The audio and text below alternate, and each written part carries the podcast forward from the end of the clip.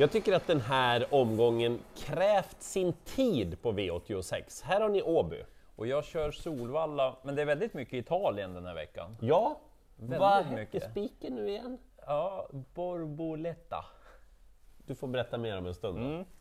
Eh, välkomna ska ni vara till 8 rätt. Vi börjar på Åbytravet med V86 första avdelning och en jättefavorit, alltså megafavorit i Maestro Crow som är tillbaka. Mm. Är det bara att spika? Inte? Så här, av många delar så hoppas jag verkligen att Maestro Crow vinner. Jag tycker han är en superhärlig profil på alla sätt och vis. Johan Untersteiner ska eventuellt ändra lite huvudlag den här gången. Han har eh, pausat lite, tagit igen sig nu, han kommer tillbaka. Han vinner det här loppet, det förstår ju ni också, om han bara fungerar som han ska. Jag tycker ändå det är lite vanskligt fortfarande att bara säga jag spikar rakt ut i det här programmet när vi sitter här på tisdagen. Ja. Jag vill se en värmning, jag vill höra Johan Untersteiner på tävlingsdagen. Eh, fram till dess så tycker jag att spelprocenten är lite hög och eftersom jag och många andra nu lätt kan spela med en utgångshäst på V86. Just det, då har man, och vinner han då sitter man ändå bra på det. Men Exakt. det kan skrälla. Ja, så därför nämner jag några bakom. 13 Harper Seabrook, han är ju andrans favorit och han ska vara det också. Det blev ju för tufft senast Ja. bara, helt enkelt. Eh, han utmanar ju om Maestro Crow kommer bort. Sen vill jag nämna fem Kayoko som tävlade med ett annat huvudlag senast. Han var väldigt fin tycker jag. Ja, han är med. alldeles för lite spelad. 14 unit Brodde, skor eller barfota, ja det kan man ju diskutera hur han är bäst, men jag tycker Mm. inte han är dålig med skor på något vis och han är i sitt livsform. Och så super mega överraskningen 8 Olga Utka, den har ju du ett gott öga till. Mm. Ja, jag gillar den. Och så är det Kevin Oskarsson som är uppe i sulken den här gången. Och hästen Mm. har sett småfin ut i de senaste starterna. Mm. Så att jag vill se en värmning så tar jag beslut efter det med Maestro Crow. Där har ni mina två cent i alla fall. Och jag ska också kolla värmningen såklart till V86.2, men det kommer att bli spik om det inte är några konstigheter där. För jag har verkligen gillat italienska Nio Borboletta som ska göra Sverigedebut. Berätta mer. Eh, väldigt härlig häst. Eh, hon har vunnit fyra raka segrar hos Alessandro Gocciador och gjort fem starter hos honom. Var sjuk i första starten, men sen har det blivit fyra raka segrar och känslan är att hon har alldeles för lite pengar på sig. Vi har ju sett att Alessandro stall nu har börjat trumma igång. Benedetto OP va? Den var ganska bra den. Ja, den var okej. Och känslan är att den här också har betydligt mindre pengar på sig. Det man ska tänka på här är att det är voltstart, men hon har startat i raden så ser du att det är voltstart på henne. Ja, jo, det såg jag faktiskt. Ja, och hon har skött sig väldigt bra i volt, så jag tror inte det är några konstigheter. Och möter några hyggliga hästar såklart för klassen, men jag tror att hon är lite extra bra, och så Björn Goop dessutom. Nej, så jag spikar, om nu inte värvningen säger något annat. Gott så, och ni vet ju att ni hittar det italienska lopparkivet via atg.se och en enkel länk där och instruktioner. Det är inga problem Nej, om ni vill kika enkelt. på Borboletta. Eh, V86 tredje avdelning, favorit då i det här lilla fältet är nummer ett Easy Cash. Det tycker jag är helt rätt. Mm. Hästen har visat grym startsnabbhet några gånger, framförallt när han har haft spår mitt i banan. Men han har även tagit ledningen från innerspår i sin tidigare regi, Jörgen Westholm. Mm. Han såg väldigt fin ut senast bakom Chirou, som var helt omöjlig att nå. Eh, tar han ledningen, då är förmodligen loppet slut. Mm. Eh, jag ska inte ta gift på att han gör det, Easy Cash. Och han... Alltså det är, det är bra hästar emot. Ja, jag ser det. Litet fält, men väldigt trevliga hästar. Så att återigen då, ska man vikta systemet mer mot Easy Cash? Ja, förmodligen. Är det en rolig spik om man värmer bra dessutom? Absolut. Eh, fyra Kick the Dust Ås, han har ju haft all otur i världen fram till senast då. Herregud vad fin han såg ut, var kul att han fick vinna Kick the Dust Ås. Och så André Eklunds stall. Jag vill hålla fram André Eklund och Ankel Töll. Det är utan skor direkt och hästen är väldigt bra i grunden. Kanske lika bra åtminstone som Easy Cash och väldigt låg spelprocent. Just det, ja, nej, stallformen där är ju verkligen bra.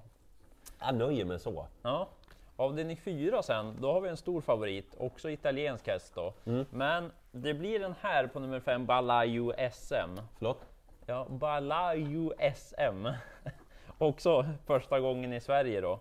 Eh, har gjort det bra, men känslan är att det har varit lite enklare lopp än flera av de andra italienska hästarna som startar den här Aha. omgången.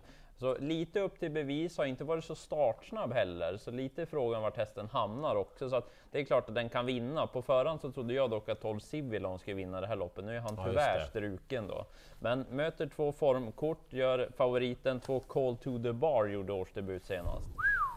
Det gick Wow. undan till slut där. Och, och från början. Ja, och spår 2 nu, han kommer ju sitta bra till troligtvis i ledningen då. Och sen har Jörgen Westholm Trick Cuenca också jättebra Mm, form. Du fick lite lämpligt lopp senast. Det vart ju liksom lite enkelt till seger en gång. Så att, äh, det behövde Cuenca. Så de två är bra. Men vi nämner sju Center Bus.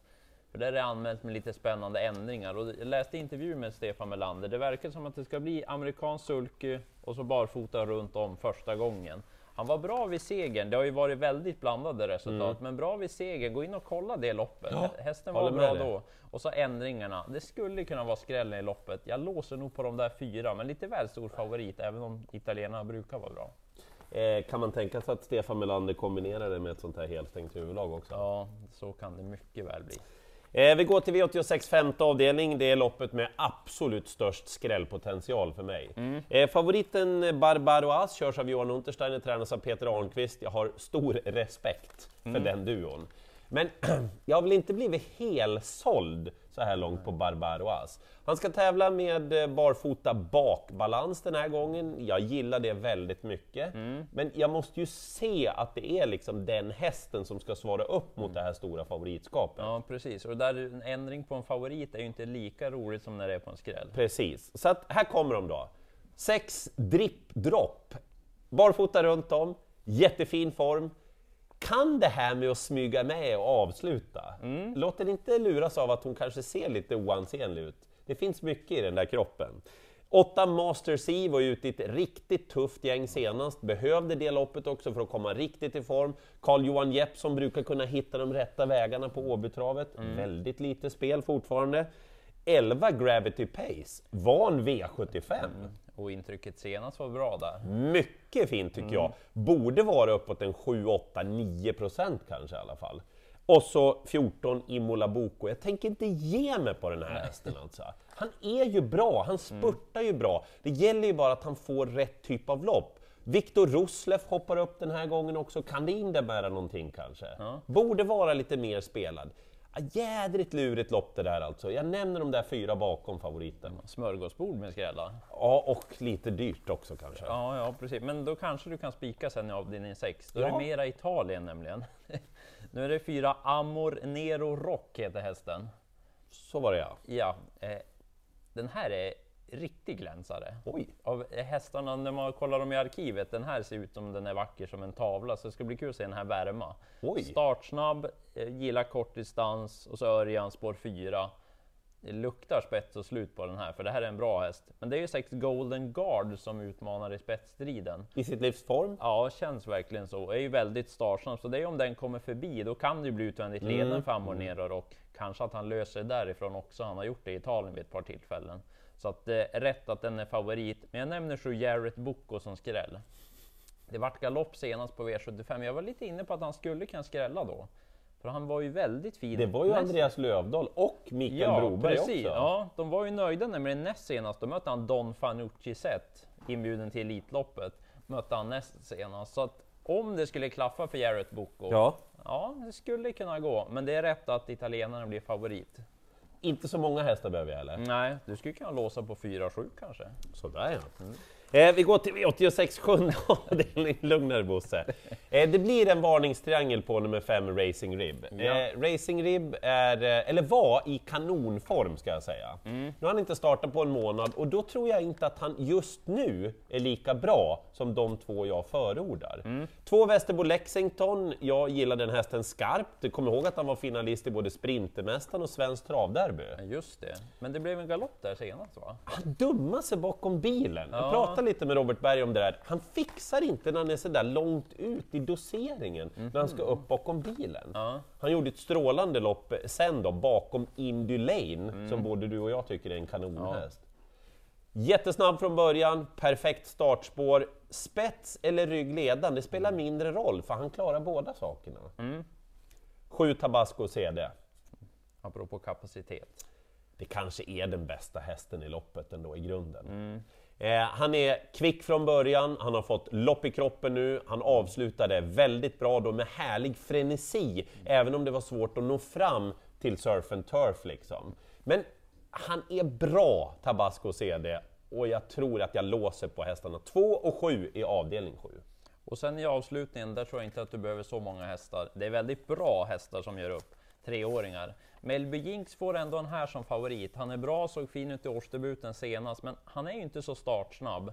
Så han måste ju göra det utvändigt på något vis. Och jag gillar den här 6 Cashmaker, också italiensk Mhm. häst.